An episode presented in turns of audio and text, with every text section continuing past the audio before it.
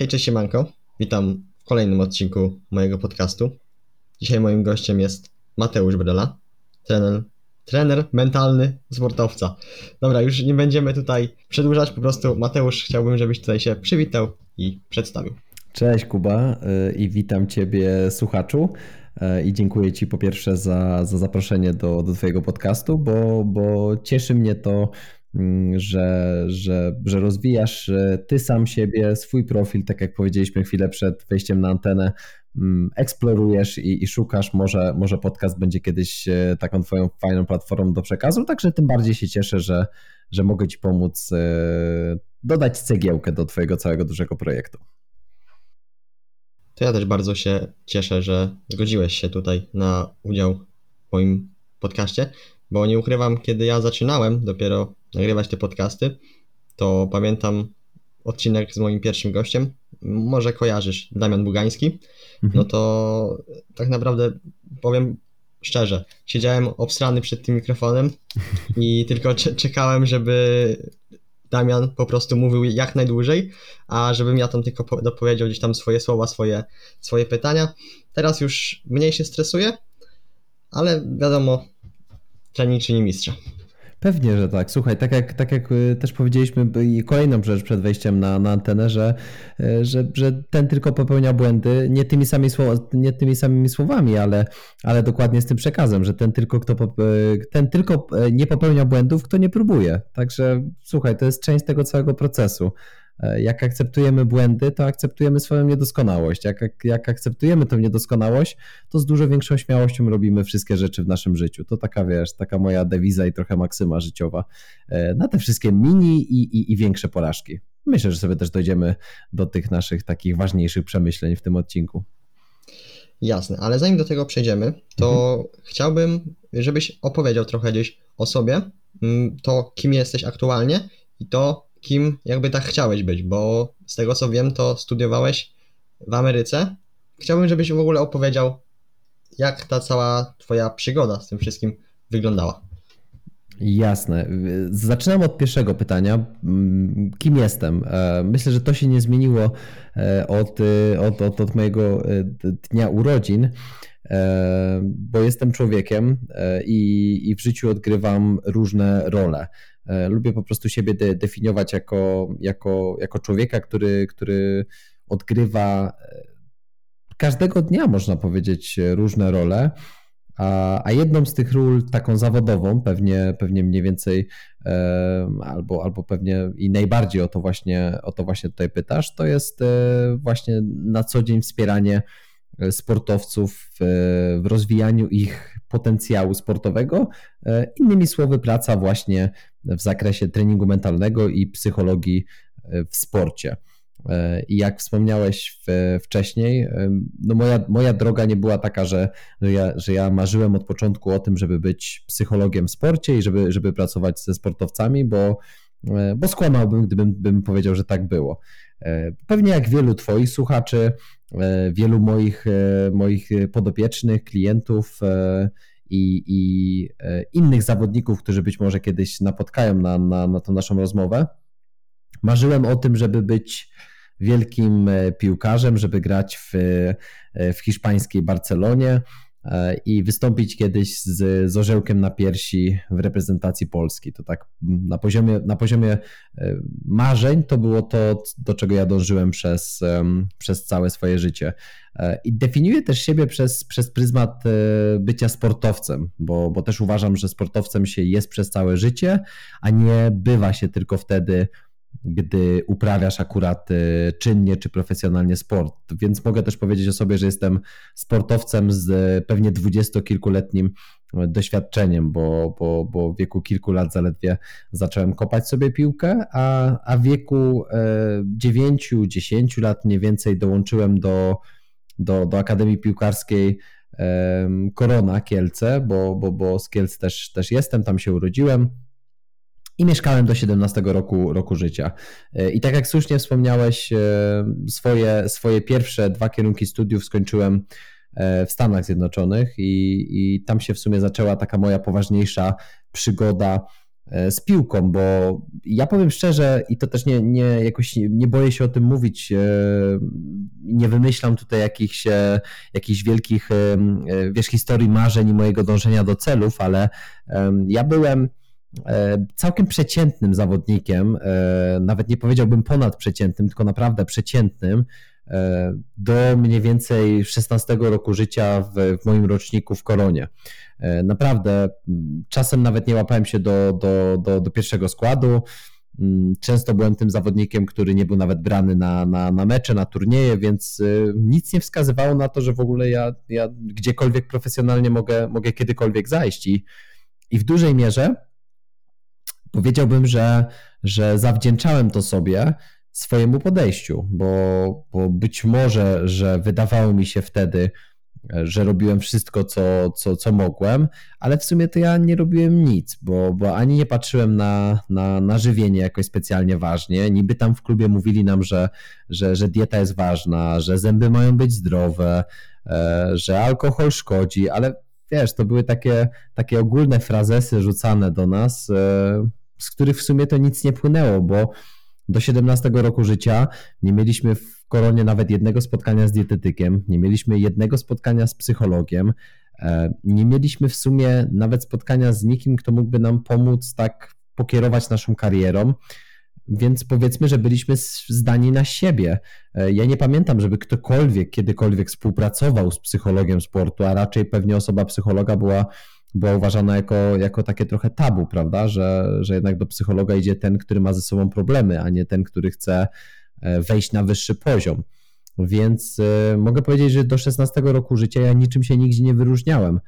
Natomiast jakby troszeczkę inny świat się przede mną otworzył, e, gdy w 2009 roku, czyli kiedy miałem 17 lat, poleciałem pierwszy raz do Stanów i mój chrzestny z, z moją ciocią Zaprosili mnie na taki siedmiotygodniowy e, przy, przylot do nich, gdzie trochę spędziłem oczywiście czasu e, w ich e, rodzinnych stronach, czyli, czyli okolice New Jersey i Nowego Jorku.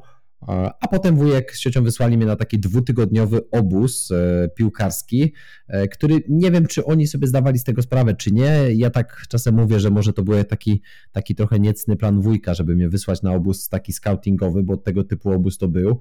Mm, pewnie, pewnie można byłoby go porównać do dzisiejszego takiego obozu y, Polish Soccer Skills. Ty kojarzysz Polisha? Yy, akurat tego nie kojarzę, ale tu możemy to, nie wiem, czy podobny jest Puchar Tymbarku. Wiesz co, Puchar Tymbarku to jest bardziej jako turniej, a e, Polish, Polish Soccer Skills to jest taka organizacja, która organizuje obozy otwarte e, dla, dla piłkarzy i piłkarek, czyli zgłaszasz się po prostu na obóz, e, uiszczasz opłatę, jedziesz sobie na przykład na tydzień na obóz i tam, tam masz codziennie po dwa, trzy treningi z trenerami właśnie, z trenerem zagranicy, robią ci jakieś testy, potem dostajesz opinię o sobie, a najlepszych zawodników właśnie gdzieś tam wyciągają wyżej. To tak na, na, na najprostszym poziomie e, można wytłumaczyć. No i wujek wysłał mnie tak, na takie dwa turnusy do, e, do, do e, takiego miasteczka Colgate w Nowym Jorku.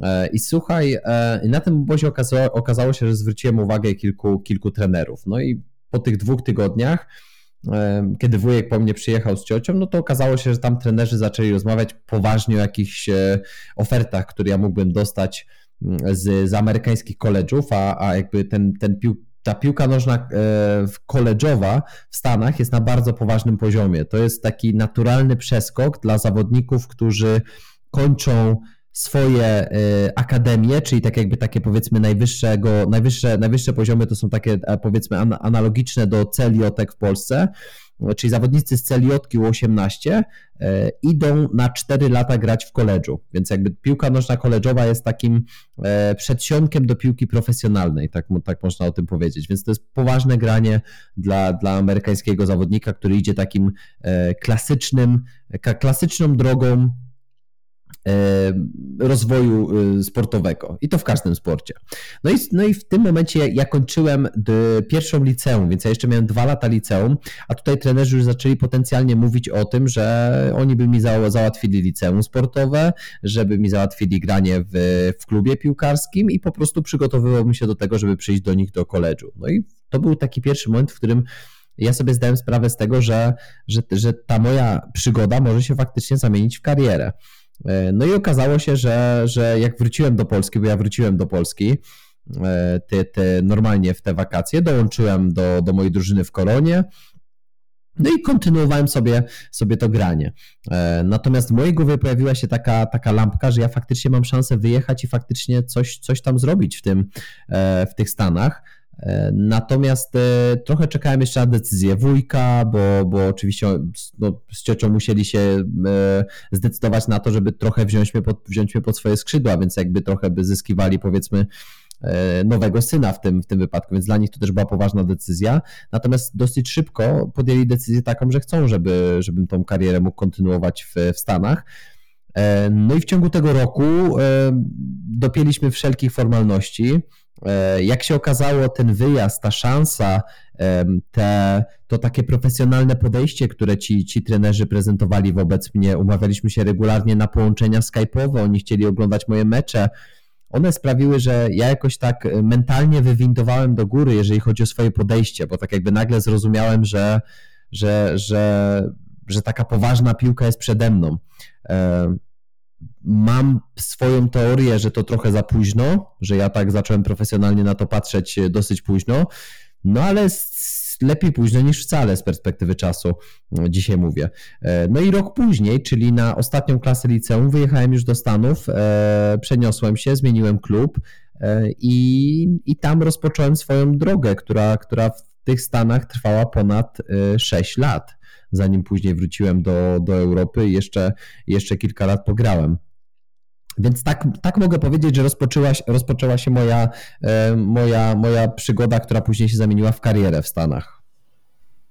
Ale z tego co wiem, to z tą karierą nie, nie poszło tak, jak miało pójść, ale mhm. to już myślę gdzieś tam pominiemy ten aspekt, bo będę też y, chciał przejść do pytania, skąd w ogóle się zrodziło takie zainteresowanie tą psychologią w sporcie. No to muszę po części odpowiedzieć na Twoje pierwsze pytanie, bo, okay. bo oczywiście okay. swój największy rozwój mm, piłkarski, e, mentalny i każdy inny, motoryczny pewnie też, e, zaliczyłem właśnie w Stanach. Dlatego, że kiedy pojawiłem się na początku na treningach, to pamiętam taką ogromną przepaść, jaką, jaką zobaczyłem, jak pojawiłem się na treningach. Red Bulla Nowy Jork, właśnie drużyny do lat 18 wydawało mi się, że wiesz, no przyjeżdżę, przyjechałem z Polski, z Europy, mm, no to taka drużyna Korony U18, która e, do tego jeszcze przed chwilą e, zdobyła czwarte miejsce na Mistrzostwach Polski, e, no to, no to myślałem, że tam będę jednym z topowych zawodników tej akademii. Słuchaj, jak się okazało, jak, jak zawitałem na pierwszy trening, to, to nie mogłem uwierzyć w to, jaki tam jest wysoki poziom. Tak, dzisiaj mam takie wrażenie, że gdyby tamta drużyna w tym Red Bullu U18 E, spotkała się z tą koroną, którą ja opuściłem e, miesiąc wcześniej, to ta drużyna by ją pewnie przeorała, jak całą tą ligę e, tych wszystkich drużyn. I to byłaby, to byłaby pewnie najlepsza drużyna w Polsce, z której prawdopodobnie z 10 zawodników by poszło grać profesjonalnie w ekstraklasie. To byli tacy świetni zawodnicy, że ja do dzisiaj na niektórych patrzę, bo dalej grają na przykład w MLS-ie E, I, I to była czysta przyjemność grać z takimi zawodnikami, więc ja sobie szybko zdałem sprawę z tego, że Stany to nie jest kawał, że to nie jest jakiś w ogóle e, dowcip, jeżeli chodzi o, o grę. Natomiast ja też szybko do tego poziomu się zaadaptowałem i, i te, te kilka lat e, w Stanach naprawdę dało mi bardzo wiele. Natomiast e, wracając e, do, do, do, pierwszej części właśnie Twojego pytania dotyczącej tego, że, że ta moja kariera nie poszła tak, jak bym sobie tego pewnie w, w, po pierwsze wymarzył. E, i tak jakbym tego chciał. Dlatego, że, że mniej więcej tak pomiędzy 2016 a 2017 roku byłem, wtedy spędziłem rok w Finlandii. E, I to był, to był rok taki, który miał mi dać e, taki, mm, taki powiedzmy step up w mojej karierze, dlatego że, że miałem e, iść do, do drużyny szwedzkiej w, w pierwszej lidze, walczącej o, o awans do, do ekstraklasy, do Alasvensson, tak się nazywa tamta liga.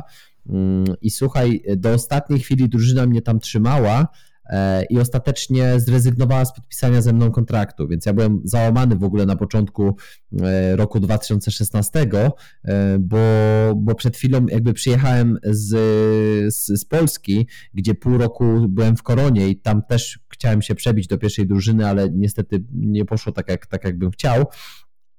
I i wtedy pamiętam, że, że musiałem zrobić krok do tyłu e, i podpisałem kontrakt z e, drużyną drugoligową e, z Finlandii, czyli na trzecim poziomie rozgrywek. I to ja nie czułem, że byłem na poziomie profesjonalnym, chociaż tam było wszystko w pełni profesjonalne i miałem kontrakt profesjonalny i klub mi wszystko zapewnił i warunki były naprawdę w pełni profesjonalne, ale ja w mojej głowie już czułem, że jakby było mi ciężko, bo ostatnie, ostatnie takie powiedzmy półtora roku przed, przed tym przyjazdem do Szwecji były trochę taką tułaczką dla mnie, bo, bo przyjechałem najpierw do, do, do Korony, tam e, dali właśnie mi kontrakt na rok i, i miałem walczyć o pierwszą drużynę, natomiast e, nie do końca to wszystko wyszło.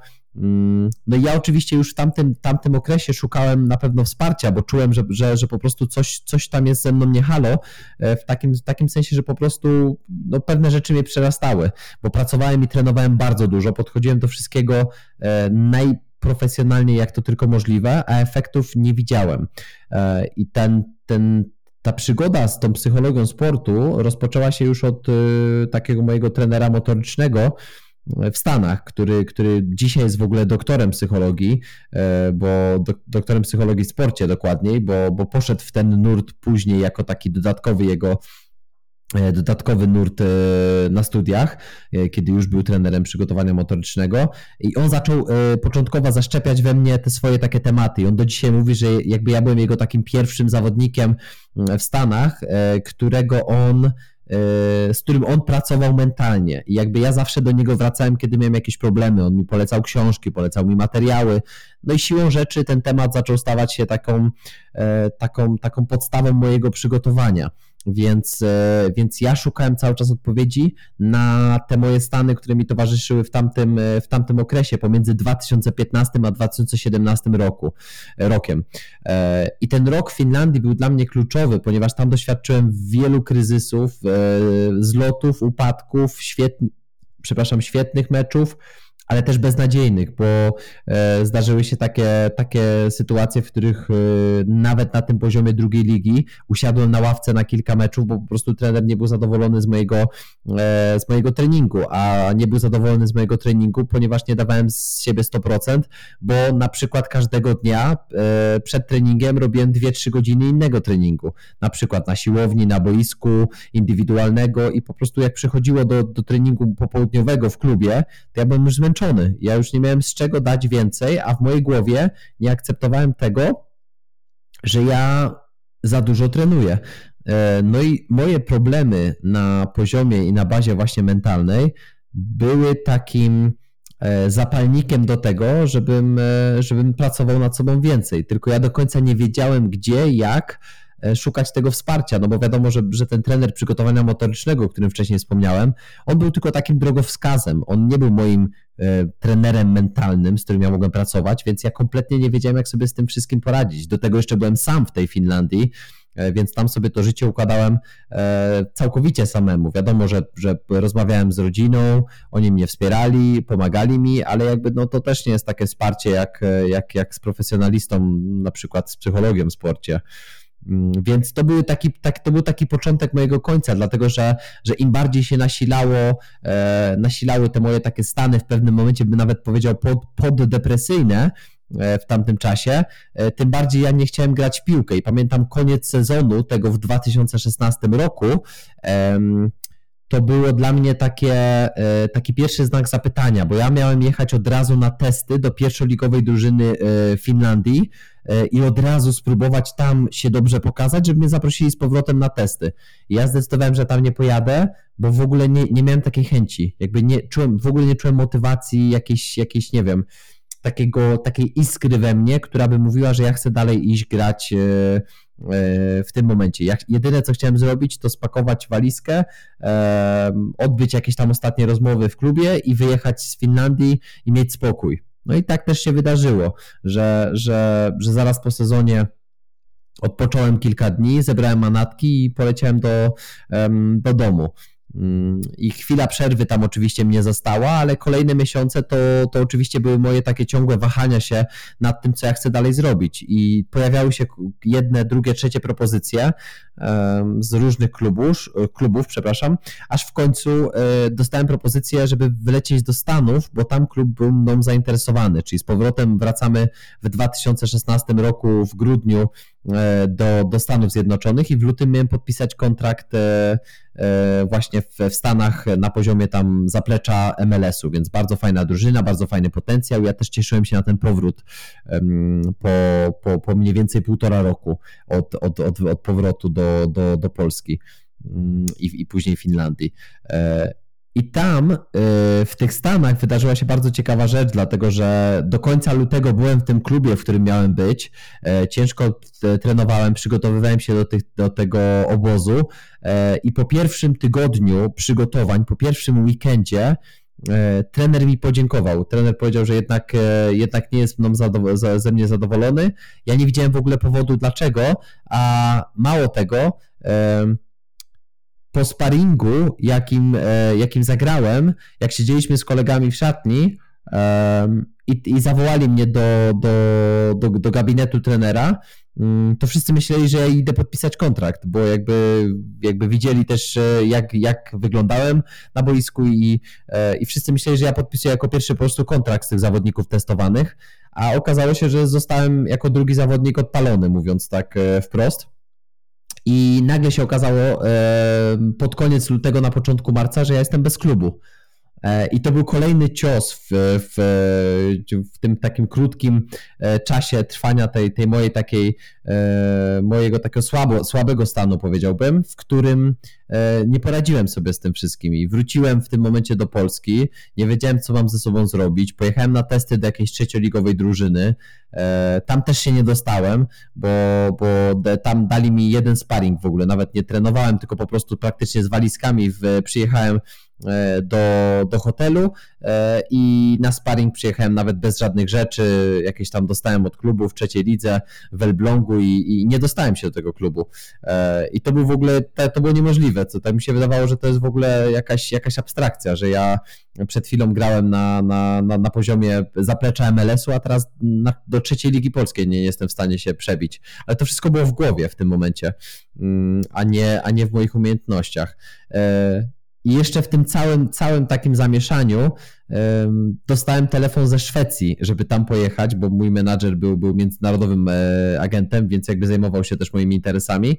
E, no i ja pojechałem do tej Szwecji, pamiętam, już taki zrezygnowany, e, trochę taki niewiedzący po co ja tam jadę, bo ja już w ogóle nie miałem chęci nawet grać piłkę. Mm, I pojechałem do tej Szwecji, była bardzo podobna sytuacja jak w tym Elblągu. Pojechałem tam na poziom pierwszoligowy. Nie, nie byłem w treningu z drużyną, tylko wszedłem na sparring do formacji, w jakiej nigdy nie grałem, bo miałem grać na, na, e, w trójce stoperów, e, czyli na pięciu obrońców. Ja nigdy w tej formacji wcześniej nie grałem, jako właśnie lewy stoper. Ja nie potrafiłem się dobrze w ogóle ustawiać i też jakby klub e, zrezygnował ze mnie po jednym tym sparingu. No i ja wtedy stwierdziłem, że jakby, że, że, że kończę z graniem w piłkę, bo za dużo się wydarzyło w tak krótkim czasie, ale żeby jeszcze na, na domiar tego dodać, dostałem propozycję dzień później, żeby pojechać do drużyny z drugiej ligi szwedzkiej, która była tam zaledwie 50 km od tego miejsca I tam miałem kontrakt gwarantowany, bo tam ci trenerzy już mnie widzieli, znali mnie, więc jakby oni tylko chcieli, żebym przyjechał po prostu i został. E, no i ja tam pojechałem, bo w sumie to, to stwierdziłem, że nie odmówię menadżerowi, jak już tam załatwił coś, ale ja już byłem przekonany, że ja nie chcę grać w ogóle w piłkę. Mm. No i na dzień przed podpisaniem kontraktu napisałem SMS-a do trenera, że nie mogę, bo mam jakieś tam ważne sprawy rodzinne i niestety, ale nie podpiszę kontraktu. I ja dosłownie uciekłem z tamtego miejsca. I wróciłem do Polski. I słuchaj, to był moment, w którym powiedziałem sobie, że daję sobie trzy miesiące, żeby odnaleźć jakby siebie na nowo i wracam do piłki. No i te trzy miesiące dały mi to, że dowiedziałem się, zacząłem szukać, co było tym problemem, co było tym największym wyzwaniem i zacząłem szukać siebie w tym, w tym, w tym, w tym całym okresie tych ostatnich lat. I znalazłem wiele różnych odpowiedzi, informacji właśnie na temat e, przygotowania mentalnego i tak dalej.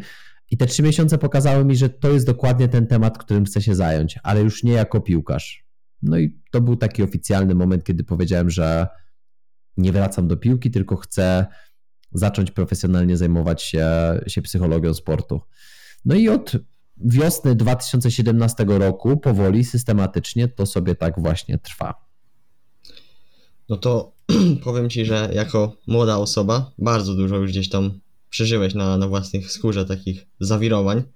Było A, tak. a teraz y, Cię zapytam, czy Mhm. w czasie, kiedy było to całe zawirowanie Mhm. między klubami, to czy Ty miałeś na siebie taki plan B w głowie? Czy w ogóle takie coś się pojawiło? Wiesz co, ja miałem cały czas poczucie, że, że czteroletnie studia, które skończyłem, e, to tam powiedzmy odpowiednikiem tych czteroletnich studiów, tam to znaczy w Stanach, e, był, lic, li- był licencjat, czyli tak jakby wiesz, ja skończyłem pierwsze studia w, e, w zakresie zarządzania i psychologii w sporcie, więc jakby ja sobie zawsze zakładałem, że to będzie mój plan B, ale jakby nigdy takiego nie miałem wcześniej. Nie, nie myślałem o tym, co będę robił po piłce, ale wiedziałem, że po to skończyłem studia, grając piłkę, żeby po, kiedyś tego użyć jako, jako tego planu B. Ale na przykład do tego roku 2017, jeszcze nawet jak byłem w Finlandii w 2016 roku, interesowałem się dietetyką w sporcie, e, właśnie tym tematem psychologii sportu, ale nigdy w takim, e, w takim myśleniu, że ja mogę być e, kiedyś, wiesz, profesjonalnym trenerem przygotowania mentalnego, psychologiem sportu, nie myślałem o tym w taki sposób. Raczej po prostu wiedziałem, że, że mam plan B, ale nie wiem, co nim jest. A teraz tak przyszło mi pytanie do głowy. Mhm. Jak byłeś gdzieś młodszym zawodnikiem, powiedzmy, to, bo wspomniałeś y, o tym, że tam w koronie nie było czegoś takiego jak dietetyk i tak dalej, Tak. no ale właśnie jak było ze s- sprawą psychologa? Czy gdzieś y, ty bardziej podchodziłeś do tego z dystansem, śmiałeś się z tego, czy gdzieś ktoś ci powiedział, że to się może przydać? Wiesz, co nie było tego tematu w ogóle. Jakby nie, nie podchodziłem do, do tego ani z dystansem, ani z brakiem dystansu, ani się z tego nie śmiałem, ani tego nie chwaliłem, bo nie znałem tego. Uwierz mi, że naprawdę w latach takich 2000-2009, czyli w czasie, kiedy byłem w koronie, e, ani razu osoba psychologa nie, jakby nie przeszła przez e, naszą szatnię. No rozumiem. Znaczy, bo właśnie na przestrzeni ostatnich lat to się bardzo mocno rozwinęło i Też tak no, uważam. Im plus, tak naprawdę. Mhm. Okej, Mateusz, y, słuchaj, chciałbym przejść do tematu dzisiejszego odcinka, tak y, naprawdę w końcu. Y, Ja Ci dziękuję za tą całą historię, bo to naprawdę jest y, fajnie się tak dowiedzieć. Ja, ja lubię, ja jestem takim też typem słuchacza, który bardzo lubi słuchać, więc y, bardzo fajnie, że tutaj się nam aż tak przedstawiłeś. A tematem dzisiejszego odcinka jest y, takie podejście młodych sportowców, czyli właśnie to podejście psychologiczne. I mam tutaj przygotowanych kilka kwestii. Mhm. Y, Nie wiem ile dokładnie ich jest, ja Ci je wysłałem tutaj przed, y, przed nagraniem. Jasne. I pierwsza kwestia, czyli to, czy dzisiaj młodzi sportowcy mają łatwiej z poprzednimi latami, czyli na przykład tam powiedzmy sen, odżywianie i tak dalej, niż ci, co właśnie te parę lat temu. E, To jeszcze nawiążę do tego, co powiedziałeś wcześniej. E, Ja, ja tak wiesz, e, jakby lubię gadać też tak, tak z tytułu po prostu mojego zawodu. Lubię też słuchać, ale w razie czego mnie po prostu stopuj, dobra? Gdyby, gdybym za dużo gadał albo odchodził za bardzo od tematu. Natomiast mam też wrażenie, że ta moja historia na pewno w tych pytaniach znajdzie swoje zastosowanie, więc mam nadzieję po prostu, że te, że te pierwsze prawie pół godziny naszego gadania też nie poszły tak, wiesz, na, na, na marne. I tak mówię, wiesz, pół żartem, pół serio, ale, ale w razie czego gdybym od, od, odpływał za bardzo, to, to, to przywracaj mnie, dobra? Do brzegu. Jasne. Taka prośba do ciebie. E, dobra, czyli, czyli pytanie dotyczyło tego, czy sportowcy kiedyś mieli łatwiej, czyli na przykład jakby nawet spojrzał na siebie, prawda? E, w tych latach, e, które, które, o których wspomniałem, kiedy ja zaczynałem, e, w porównaniu do teraz. Mm, To tak od razu mi się nasuwa takie powiedzenie, że, że kiedyś to było, a teraz to nie ma. E, Natomiast jakby to powiedzenie jest tutaj nie, nie do końca, e, nie do końca e, poprawne, dlatego że kiedyś to nie było, a teraz to wszystko jest. Tak bym to powiedział. I, i pod kątem właśnie rozwoju samego piłkarskiego, bo wiemy dużo więcej. Dzisiaj zawodnik w wieku zaledwie pewnie 10-11 lat może przejść przez rzesze różnych testów e, motorycznych, e, bramkarze mogą mieć badane, to często są te testy z nadgarstka, w których można ocenić e, szacowany wzrost takiego zawodnika naprawdę z dokładnością do 4-5 centymetrów żeby, żeby zobaczyć genetycznie, czy on w ogóle, mówiąc prosto, nadaje się na, na, na, na swoją pozycję. E, do tego, do tego naprawdę e, narzędzia, e, choćby takie, które badają parametry dzisiaj zawodników wytrzymałościowe, szybkościowe, siłowe, są na takim poziomie, że można pracować jeden do jednego z tym, czego zawodnik potrzebuje, ile jest w stanie znieść i ile daje mu progres i rozwój. Więc uważam, że pod kątem takim motorycznym, no to poszliśmy naprawdę bardzo, bardzo daleko. Mamy to, co pewnie co pewnie Ameryka miała jakieś, jakieś już 20 lat temu, e, czy, czy, czy 10 lat temu w takim najbardziej rozbudowanym, e, na takim najbardziej rozbudowanym poziomie, ale powiem szczerze, że do tego na przykład dodając aspekty wyszkolenia trenerów, do tego dorzucając tematy związane właśnie z dietetyką sportową i, i szerzoną wiedzą na ten temat, e, czy właśnie z psychologią sportu, czy z treningiem indywidualnym, uważam, że zawodnicy dzisiaj mają więcej niż potrzebują, a na pewno w porównaniu do tego, co było, to mają wszystko. No i teraz pytanie, pytanie pewnie się pojawia takie, czy to lepiej, czy to gorzej dla nich. Nie, bo, to, bo tutaj w jakimś stopniu pewnie e, mamy dzisiaj nadmiar wszystkiego i pytanie, czy ten nadmiar e, faktycznie daje przewagę jakąkolwiek nad, e, nad tym, co było wcześniej. No i teraz jak spojrzysz sobie z perspektywy na przykład tego, jak dzisiaj wyglądają najlepsi sportowcy świata, e, no to na przykład czy sylwetka Lewandowskiego albo sylwetka Cristiano Ronaldo, czy to był standard 10 lat temu w sporcie? No raczej nie. Nie. A jak spojrzysz na ich wiek e, i ich możliwości motoryczne, czy to był standard 10 lat temu?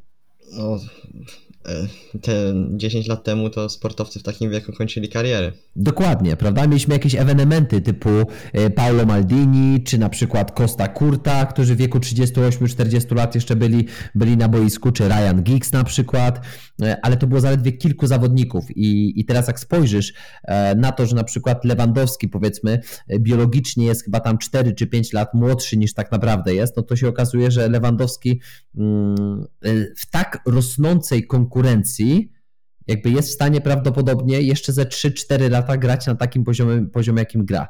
Co z kolei mówi nam, że możliwości do przeskoczenia pewnych barier są niewiarygodne pod każdym kątem dietetycznym, mentalnym, motorycznym i każdym innym związanym na przykład z takimi kluczowymi aspektami, jak na przykład sen i regeneracja, bo dzisiaj mówi się o tym, e, jak dobierać materac e, do, do odpowiedniego e, zawodnika, mówi się, jaką mieć poduszkę najlepiej, w jakiej temperaturze dokładnie spać, jakie powinno być światło albo jego brak w tym wypadku. I, i jakby wiemy tyle, że z tą wiedzą, jak możemy zauważyć, trzymajmy się tego przykładu. Tacy zawodnicy jak Robert Lewandowski wykorzystują maksymalnie ten potencjał. Więc ja uważam, że tak, dzisiaj sportowcy e, mają łatwiej, żeby dojść do tego. Y, okej, okay, słuchaj, a mam takie jeszcze pytanie, mhm. tak y, wtrącę. Z jakimi sportowcami na co dzień pracujesz? Chodzi mi tutaj o dyscyplinę, czy to jest tylko piłka nożna i też o wiek? Y, głównie pracuję z piłkarzami nożnymi, natomiast mam pod swoimi skrzydłami również e, piłkarzy ręcznych, e, mam siatkarzy, mam tancerzy i tancer, e, tancerzy i tancerki, mam pływaczkę, mam zawodnika sylwetkowego, mam również biegaczkę narciarską. Mm, pośród swoich sportowców. E, mam też e, byłych sportowców, czyli takich, którzy przeszli na przykład na emeryturę sportową i teraz e, potrzebują wsparcia mentalnego, na przykład w poukładaniu swojej ścieżki życia po sporcie.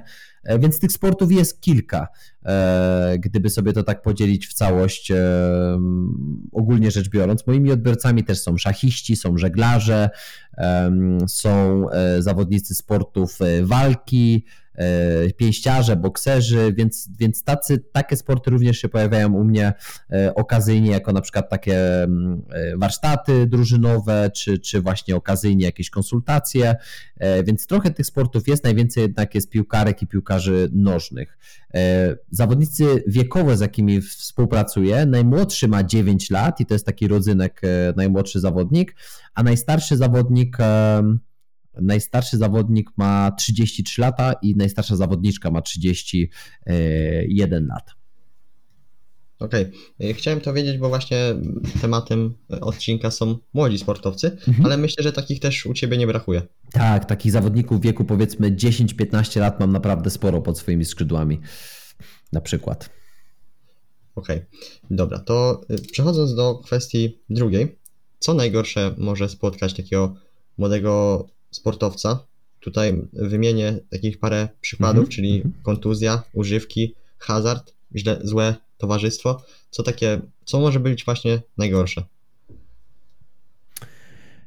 Wiesz co, to wszystko, co wymieniłeś, to jest w sumie złe, ale ja bym powiedział, że, że najgorsze, co może spotkać sportowca, to jest, e, to jest on sam. Czyli jakby, jakby mówiąc do ciebie, e, jako do Kuby, albo mówiąc do ciebie jako do słuchacza, to ty sam możesz być swoim najgorszym e, problemem. Twoje nieodpowiednie nastawienie, e, twoje złe decyzje i twoje działania, mówiąc tak najogólniej, powiedziałbym, że będą twoim największym wrogiem, bo zawodnik, który ma kontuzję, jeżeli dobrze poukłada sobie sferę mentalną na samym początku, po, po doznaniu kontuzji. Ja takich zawodników mam wiele, wielu i regularnie doznających kontuzji i, i zmagających się z, z kontuzjami, e, no to już jest, już, już jest część sukcesu, jeżeli odpowiednio nastawimy się wspólnie do kontuzji. E, nie ma nic złego w tym, żeby zawodnik poszedł e, do kasyna i pograł sobie trochę i stracił, a raz wygrał trochę pieniędzy, ale jeżeli oczywiście ma do tego odpowiednie nastawienie i dobrą głowę. Nie ma problemu, żeby sportowiec napił się e, drinka czy dwa, czy, czy lampkę wina, kiedy jest na to czas i miejsce. Nie ma problemu, żeby zawodnik e, wrócił na przykład do swojego rodzinnego miasta e, i spotkał się ze swoimi kolegami, którzy, którzy na przykład wszyscy są alkoholikami. To już tak dramatyzuje, tak? Ale zakładamy, że że, że mam takiego zawodnika, który na przykład e, widziałem się z nim w poniedziałek i mówił właśnie, że był e, w swoim rodzinnym mieście e, i tam jakby po raz kolejny zdał sobie sprawę z tego, że cieszy się, że piłka go wyciągnęła z tego, w czym teraz są jego koledzy, bo prawdopodobnie on by był jednym z nich. No i mówiąc wprost, on, im się tam nie wiedzie zbyt dobrze, Większość z nich ma problemy właśnie alkoholowe, z narkotykami, z innymi nałogami, mają jakieś powiedzmy nieślubne dzieci, jakieś związki, które są nieudane, po prostu w życiu im trochę nie poszło i nie potrafią sobie z tym poradzić i uciekają w używki. Natomiast nie ma nic złego w tym, że on ma takie środowisko, bo on nie idzie na dno razem z nimi, bo ma w głowie coś zupełnie innego, e, bo zawdzięcza bardzo wiele piłce, jak sam mówi o tym, e, i nie ma, nie ma w nim śladu nawet takiego, takiego podejścia, że, że coś mu grozi, żeby na przykład popadł w jakiekolwiek problemy. Więc ja bym powiedział, że, że to wszystko to są oczywiście jakieś złe rzeczy, ale dopóki ty sam nie stoisz na swojej drodze, to nie powiedziałbym, że cokolwiek możecie, możecie zatrzymać długofalowo. A widzisz u swoich gdzieś powiedzmy podopiecznych takie najczęściej powtarzające się problemy? To jest dobre pytanie, bo, mm, bo każdy, każdy ma w sumie jakieś, jakieś problemy, z którymi się zmaga. Każdy przychodzi często myśląc, że, e, że, że przychodzi z tym jednym konkretnym e, wyzwaniem czy z konkretnym problemem, E, natomiast powiem Ci, że tak, ja pracuję na. Mm, ja pracuję w nurcie psychologii pozytywnej. To na pierwszym miejscu. W psychologii pozytywnej zawsze patrzymy na zasoby zawodnika. Zasoby to znaczy e, jego mocne strony, jego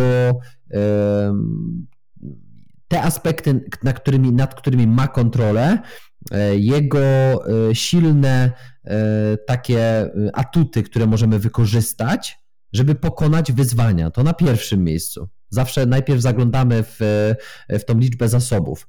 Powiedziałbym, że że najsłabszym punktem zawodników jest, jest, jest często poddawanie się temu takiemu naszemu narodowemu sportowi, jakim jest narzekanie.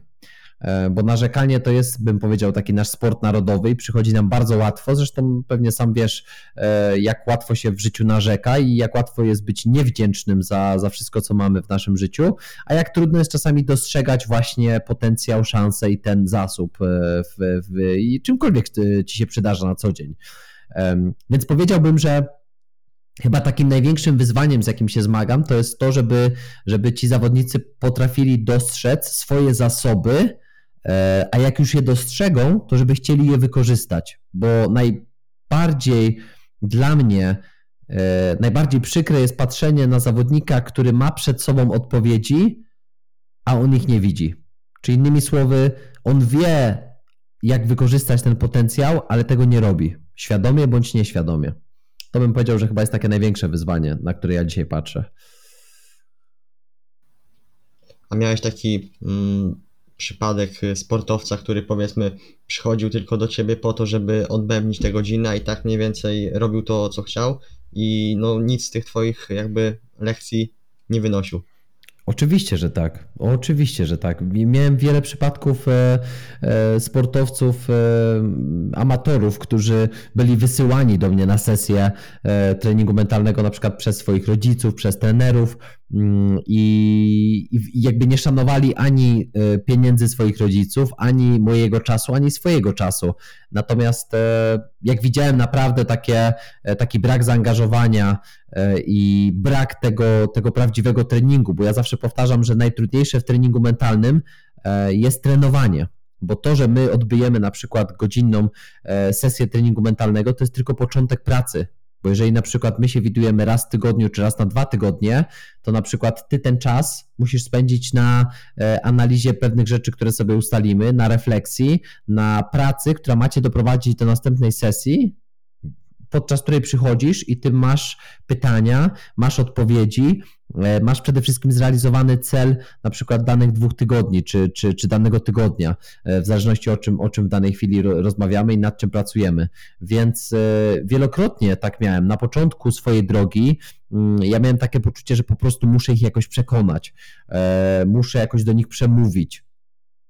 Natomiast na tym etapie, na którym jestem dzisiaj, e, ja nie mogę sobie pozwolić, żeby mieć takich zawodników wśród swoich podopiecznych, ponieważ to działa negatywnie na moją reputację, bo niech taki zawodnik kiedykolwiek komuś powie, że, że on to miał trenera mentalnego, który mu nic nie pomógł. No i wtedy okazuje się, że to ja jestem tym, który jest e, merytorycznie słaby, a nie ten zawodnik na przykład nie robił nic. Więc ja dzisiaj bardzo selektywnie dobieram e, zawodników, z którymi współpracuję i nie mam takich wśród tych moich stałych sportowców i sportowczyń, e, którzy nie chcą być na sesjach. A jeżeli zauważam, że ktoś ze mną nie chce być, to bardzo szybko daję o tym e, do zrozumienia i bardzo szybko jakby naprowadzam, bo ja e, jestem dodatkowym atutem tego zawodnika, a nie jego katem. I próbuję też to bardzo często i regularnie tłumaczyć, bo po prostu ta praca musi mi sprawiać przyjemność. Jeżeli ja nie widzę wymiernych efektów, to praca nie ma sensu. Więc tak, to taka dłuższa odpowiedź na Twoje pytanie. Jasne, e, rozumiem. Przechodząc do kolejnej kwestii, mm, jaki jest taki kluczowy aspekt, który poleciłbyś się skupić młodemu sportowcowi? Mówiłeś o pracy nad sobą, no ale mm, mhm. ta praca nad sobą, no wiadomo, to jest y, rozległy, rozległy temat. I mhm. co w tej pracy nad sobą, tak y, powiedzmy, na przestrzeni lat też zauważyłeś, że jest takie, mm, nie wiem, kluczowe, ale takie no, po prostu jest ważne. Jakby, jak, jak, jak na e, psychologa przystało powiedzieć, e, to zależy. E, dlatego, dlatego to zależy, Kuba, że, że każdy, kto przychodzi, ma coś innego. Ma w sobie jakiś inny zasób, właśnie, czyli tą mocną stronę, i ma coś innego, z czym musi indywidualnie pracować. I e, ja zawsze sobie patrzę na zawodników i dzielę je na, e, na kilka grup. Są zawodnicy, którzy mają taki naturalny super talent i super moc do tego, żeby kreować. Są zawodnicy, którzy e, mają bardzo duży potencjał, mają bardzo fajny charakter do pracy, e, ale trzeba ich troszeczkę mocniej poprowadzić i są tacy, których trzeba całkowicie zbudować od początku, bo oni jakby trochę mają taką, e, tak, taki, takie myślenie średniaka, w takim sensie, że, że ja to w sumie nie wierzę, że mogę grać na najwyższym poziomie, w sumie to nie wiem, jak mogę się stawać lepszy, ale jestem gotowy, żeby pracować. No i teraz z każdą z tych grup ja będę pracował troszeczkę inaczej. Ja nie mówię tego, tego oczywiście zawodnikowi, że słuchaj, ty to należysz do tej grupy średniaków, więc tak będziemy pracować.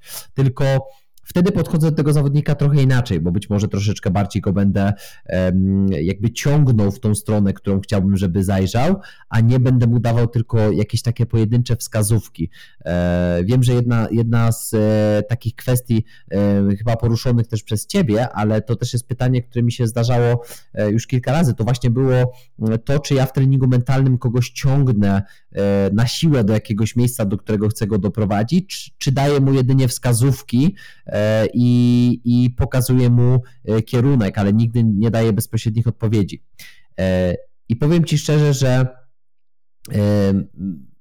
kończąc jeszcze ten pierwszy wątek, dopasowuję te najważniejsze kwestie mm, do, do konkretnej grupy zawodników.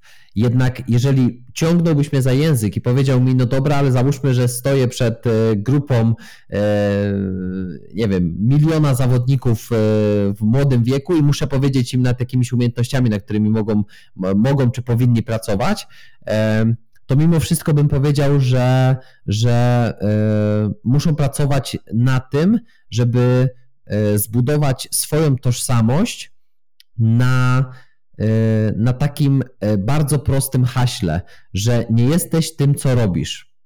Innymi słowy, to kim jesteś różni się od tego, co robisz, bo poczucie własnej wartości zawodnicy często budują na zwycięstwach albo porażkach.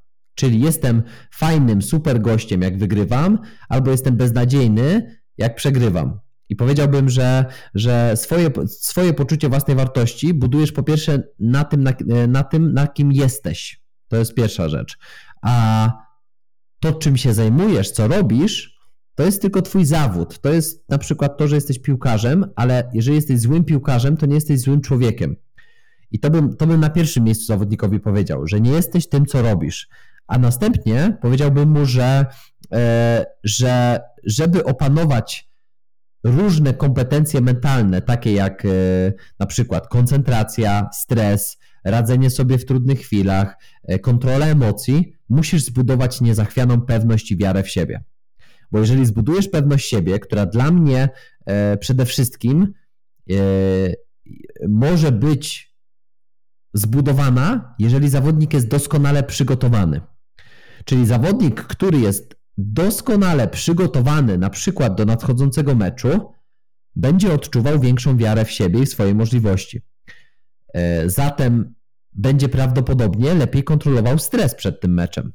Jeżeli tak będzie, to będzie lepiej kontrolował swoje emocje.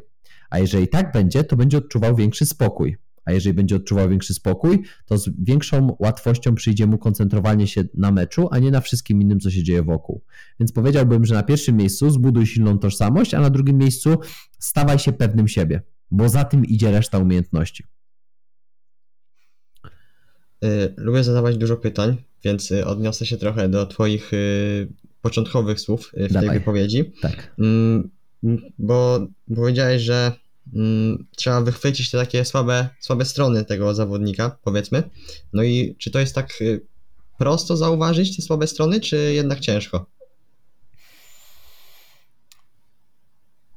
Wiesz co, e, na pewno to jest proces, e, żeby faktycznie zobaczyć to, nad czym możemy popracować i to, i to często jest, e, nie jest takie, takie jednoznaczne, jakby się wydawało, bo zawodnik na przykład przychodzi i mówi, że chciałby popracować nad stresem, czyli można powiedzieć, że on ci już powiedział, co jest jego słabą stroną, bo, bo wtedy możesz powiedzieć sobie, ok, czy jego słabą stroną jest radzenie sobie ze stresem, ale to nie jest często sedno sprawy. Bo żeby dowiedzieć się, dlaczego on sobie nie radzi ze stresem, trzeba dowiedzieć się, po pierwsze, co go stresuje, skąd to się wzięło u niego, kiedy to się zaczęło, co wtedy czuje, czego się boi i co się wydarzy, jeżeli najgorszy scenariusz będzie miał miejsce. Czyli załóżmy, że to jest pewnie z 6-7 różnych pomocniczych pytań. Z tych pytań prawdopodobnie tworzą się e, kolejne rodziny pytań dotyczące tego, co, co go do tego doprowadziło. Więc e, powiem Ci szczerze, że, że myślę, że to tak po kilku latach już, już praktyki i naprawdę e, dużej liczby przepracowanych indywidualnych przypadków jest mi coraz łatwiej to robić, ale nie mogę powiedzieć, że to, to się stało dla mnie łatwe, bo musisz pamiętać, że każdy zawodnik, który do mnie przychodzi, to jest indywidualna historia. I często jest tak, że nawet jak mi się wydaje, że ten przy, przypadek jest po, podobny, to następuje jakiś zwrot akcji, który mówi, że to jest zupełnie inny przypadek. Więc powiedziałbym, e, że na pewno to nie jest takie zero-jedynkowe, że zawodnik przychodzi, mówi, że to jest stres i to jest na pewno stres. E, potrzebna jest troszeczkę bardziej dogłębna analiza. Także tak jak, tak jak sobie myślę, że, mm, że że, że, że to nie przychodzi tak łatwo, ale na pewno przychodzi łatwiej niż kiedyś. Czyli tutaj znowu trening czyni mistrza. Tak, też myślę.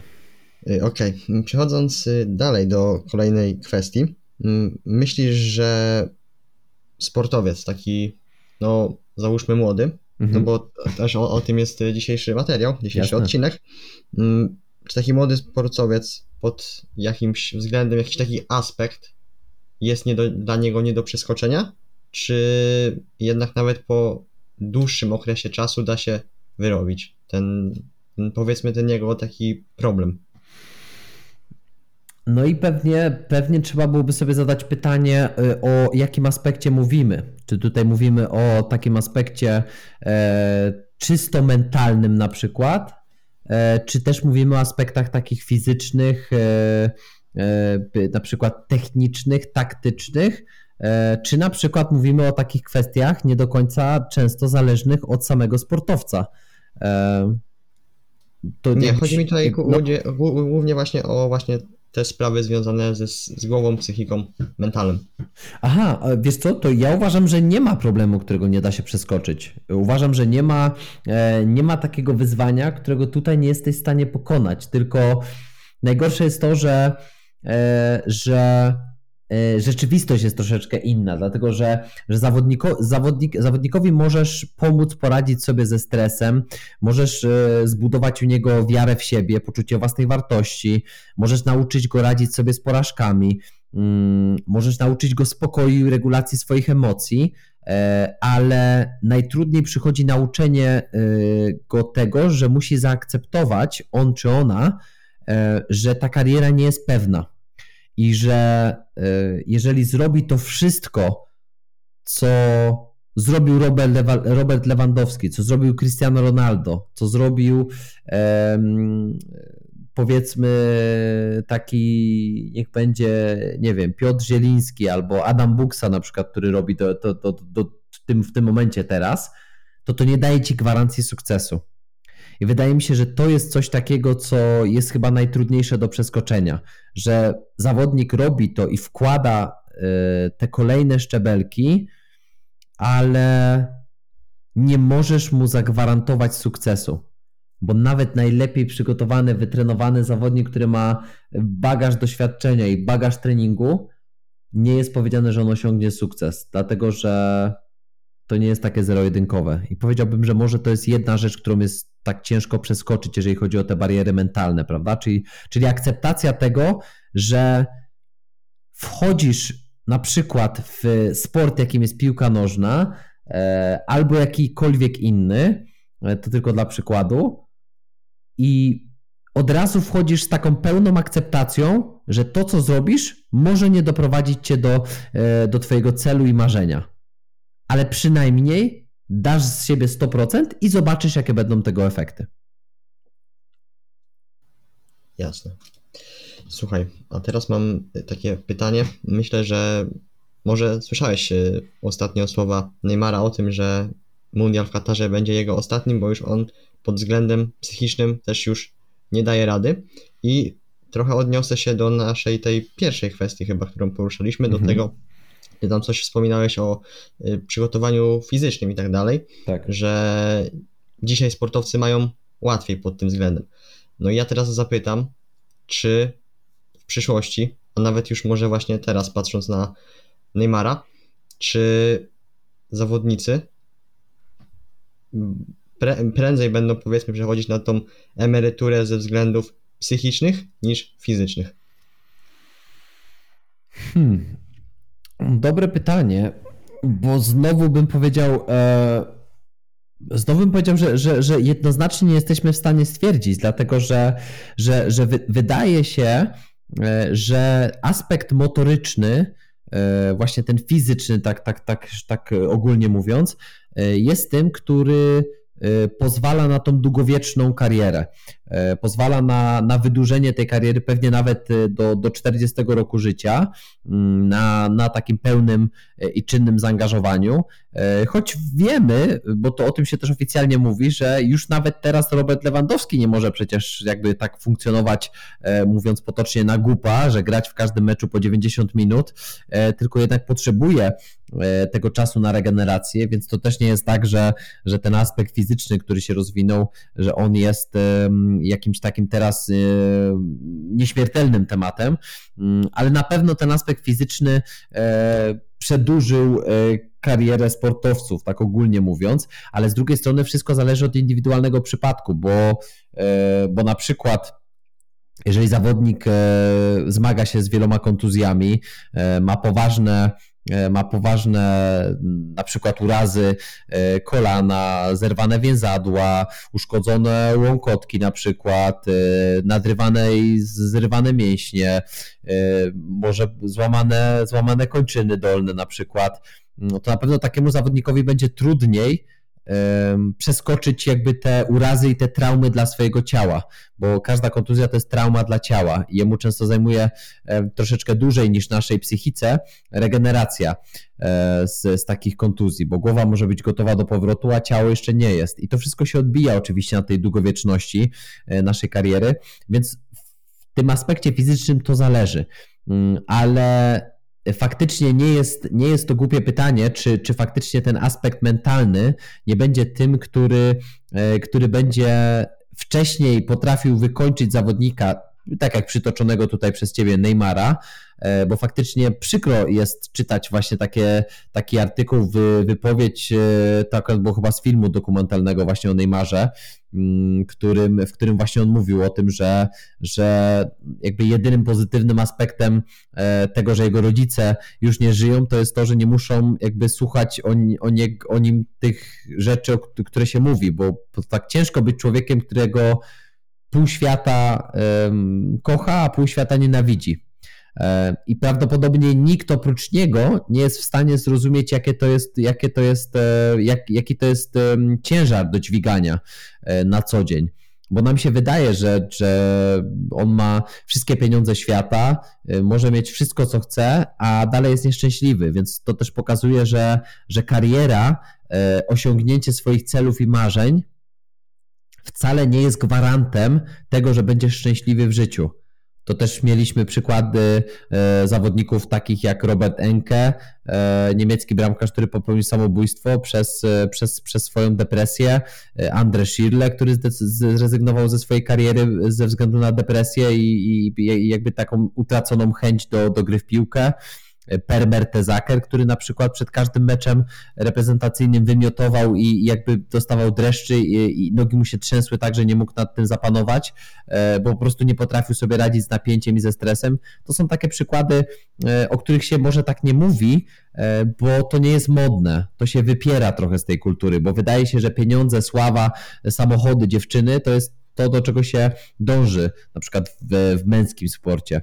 Mm, więc e, powiedziałbym, że mimo rozwijającej się e, szeroko branży psychologii sportu, aspekt mentalny jest tym, o który trzeba zadbać wcześniej, bo jeżeli zawodnik w młodym wieku, czyli właśnie o, do takich sportowców tutaj być może dzisiaj mówimy, e, zadba o te aspekty mentalne, o swoje zdrowie mentalne, to wtedy jest większe prawdopodobieństwo, że będzie lepiej sobie radził z wyzwaniami różnego pokroju.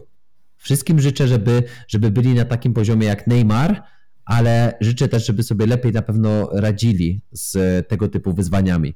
E, ale ogólnie nie chcę Ci jednoznacznie odpowiadać na to pytanie, ale jest to bardzo ważna kwestia. E, może tak być, że przygotowanie mentalne będzie bardziej kluczowe w kontekście zaopiekowania się nim, aniżeli motoryczne. Okej, Mateusz. Ja bardzo chciałbym Ci podziękować za dzisiejszą rozmowę.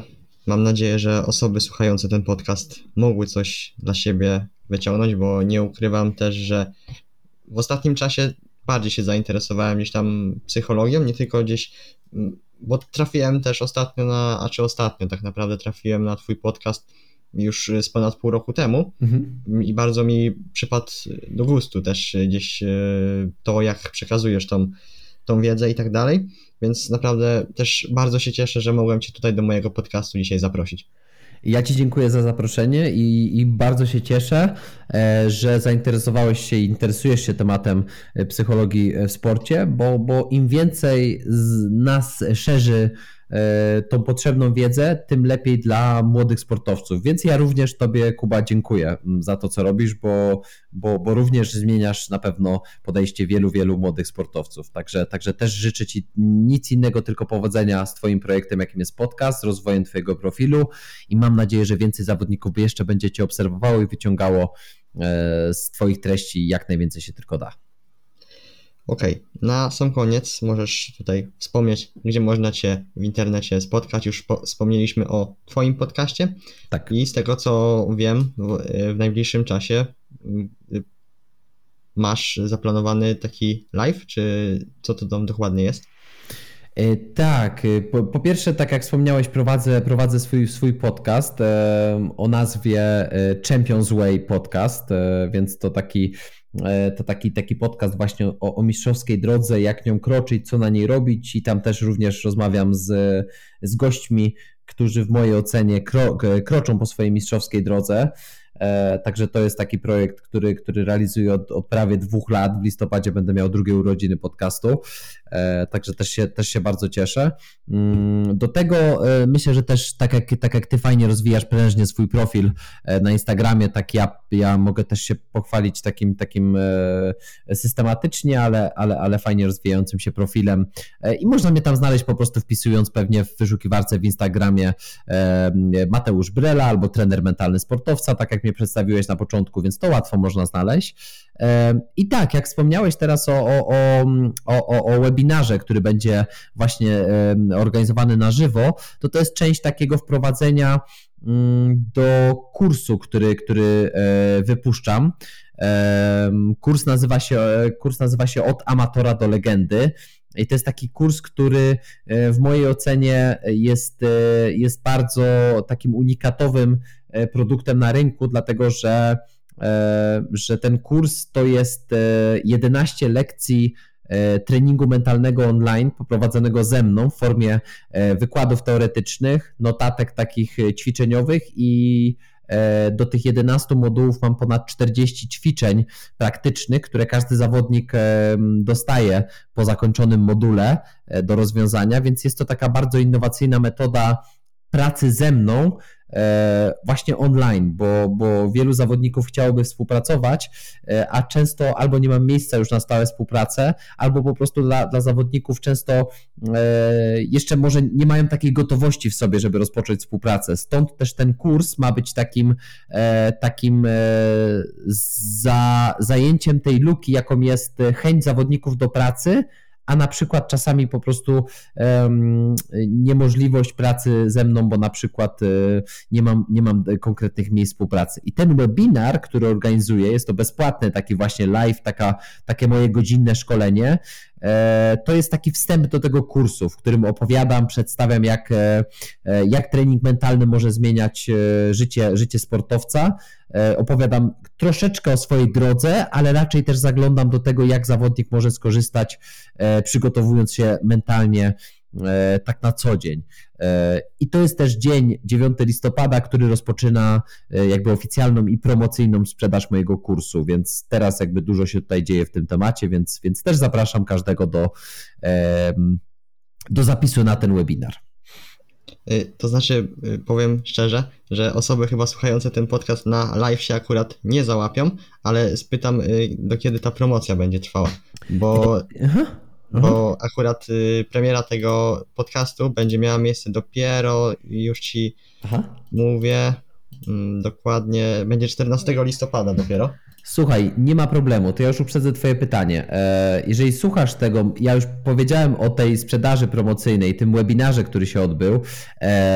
Jeżeli, jeżeli jesteś taką osobą, która chciałaby e, mimo wszystko dostać to, ten webinar, który jest bezpłatny, tak jak wspomniałem, albo dostać tą promocyjną cenę, to wystarczy, że napiszesz do Kuby albo napiszesz do mnie bezpośrednio na Instagramie, pisząc, że jest, jesteś słuchaczem podcastu i chciałbyś e, na przykład zapisać się na kurs, chciałbyś wykupić sobie kurs w promocyjnej cenie. Ja wtedy tą promocję zaaplikuję jeszcze dla każdego, kto przyjdzie od, od Kuby i powie, że cześć, słuchałem Twojego podcastu. Także tutaj takie moje wyjście, żeby ułatwić dla, dla każdego e, powrót do, do, do tych treści, nawet jeżeli słuchałbyś tego podcastu w grudniu to ja uznam, że my nagrywamy dzisiaj, czyli troszeczkę przed 9 listopada, e, ale ta promocyjna cena Cię obowiązuje.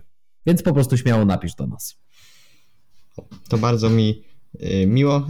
W razie co, to piszcie po prostu do Mateusza, żeby też nie było gdzieś tam komplikacji z mojej strony. I co? Myślę, że to by było dzisiaj na tyle. Mateusz, jeszcze raz dziękuję Ci za wszystko. Wszystkie linki macie w opisie do Mateusza, do mnie. I co? Słyszymy się za dwa tygodnie. Cześć. Dzięki Kuba, cześć.